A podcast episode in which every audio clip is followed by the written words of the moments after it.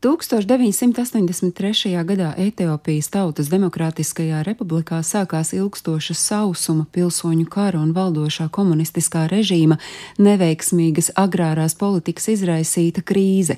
Tās postošākā izpausme bija masu bats. Pēc dažādu avotu datiem desmit gadu laikā mirušo skaits sasniedza no 300 tūkstošiem līdz pat vienam miljonam cilvēku.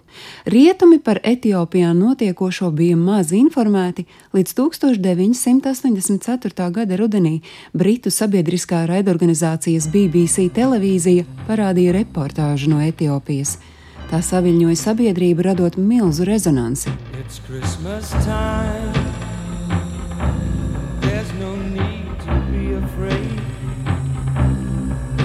Christmas time,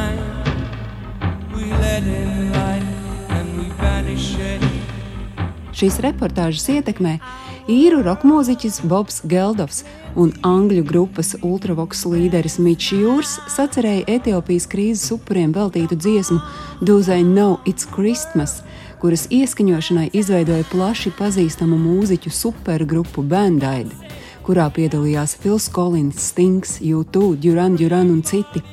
Starp citu, grupas nosaukums, kas tulkojumā nozīmē palīdzības grupa, ir arī simboliska vārdu spēle, atsaucoties uz plaši zināmu medicīnisko plāksteru nosaukumu Band-Aid. Tā paša gada nogalē un 1985. gada sākumā Do They Know It's Christmas piecas nedēļas noturējās topa pirmajā vietā līdz pat 1997. gadam, saglabājot visu laiku pārdotākā singla statusu Lielbritānijā. Un tas, protams, pievērsa uzmanību situācijai Etiopijā. Dziesmas peļņu novirzīja dažādiem krīzes atbalsta fondiem. Tā arī iedvesmoja uz līdzīgām iniciatīvām cilvēkus citviet pasaulē. Tieši tā radās ASV mūzikas slavenību projekts un tā singls We Are the World. 1985. gada pavasarī Bobs Geldofs un Mičs Jūrs pieaicinot pieredzes bagātus koncertu biznesa magnātus Hārviju Goldsmitu un Bilu Grējemu, sāka organizēt koncertu akciju, lai ar pasaules populārāko mūziķu uzstāšanos piesaistītu ziedojumus Etiopijai. Akcijas nosaukums Live Aid, jeb dzīvā palīdzība, arī palīdzības koncerts, izvēlēts gan kā norāde uz mūziķu labas gribas iniciatīvu, gan uz iespēju koncerta laikā veikt ziedojumus, zvanot uz televīzijas tiešraidē izziņotiem tālruņa numuriem. Laiveida koncerti notika vienā dienā, 1985. gada 13. jūlijā. Londonā Vemblīs stadionā tas ar pārtraukumiem ilga desmit stundas, klātesot 70 tūkstošiem skatītāju. Tikmēr Filadelfijā, Amerikā, Džona Kenedija stadionā Live Aid ilga 14 stundu, un to klātienē skatījās 100 tūkstoši skatītāju. Koncerta tiešraidi, kas bija viena no vērienīgākajām tiešraidēm televīzijas vēsturē, vēroja skatītāju vairāk nekā 150 valstīs. To nodrošināja BBC un amerikāņu raidsabiedrība ABC, kā arī mūzikas kabeļtelevīzija MTV. Pamīšus translējot mūziķu uzstāšanos gan no Londonas, gan Filadelfijas, notika arī epizodisks pieslēgšanās no vietējas nozīmes koncertiem, kas tajā 1985. gada 13. jūlijā notika gan Sidnejā, gan Maskavā, Vīnē, Hāgā, Ķelnē un Osakā. Vēriena un publicitātes dēļ akciju nosauca par globālo mūzikas automātu.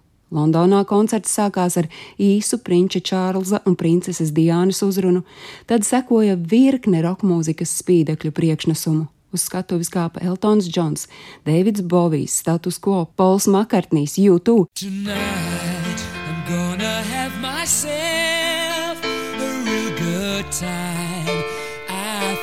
Tonight,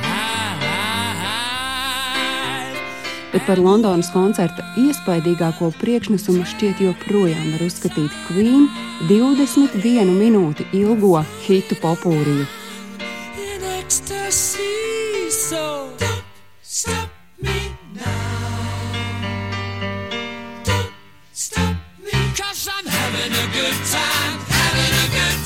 Tikmēr Filadelfijas koncertā uzstājās tādas zvaigznes kā Eriks Kleptons, Mikls Džegers, Bobs Dilans, Tina Tērnere, Madonna. Fils Kolins, starp citu, piedalījās gan Londonas, gan Filadelfijas koncertos.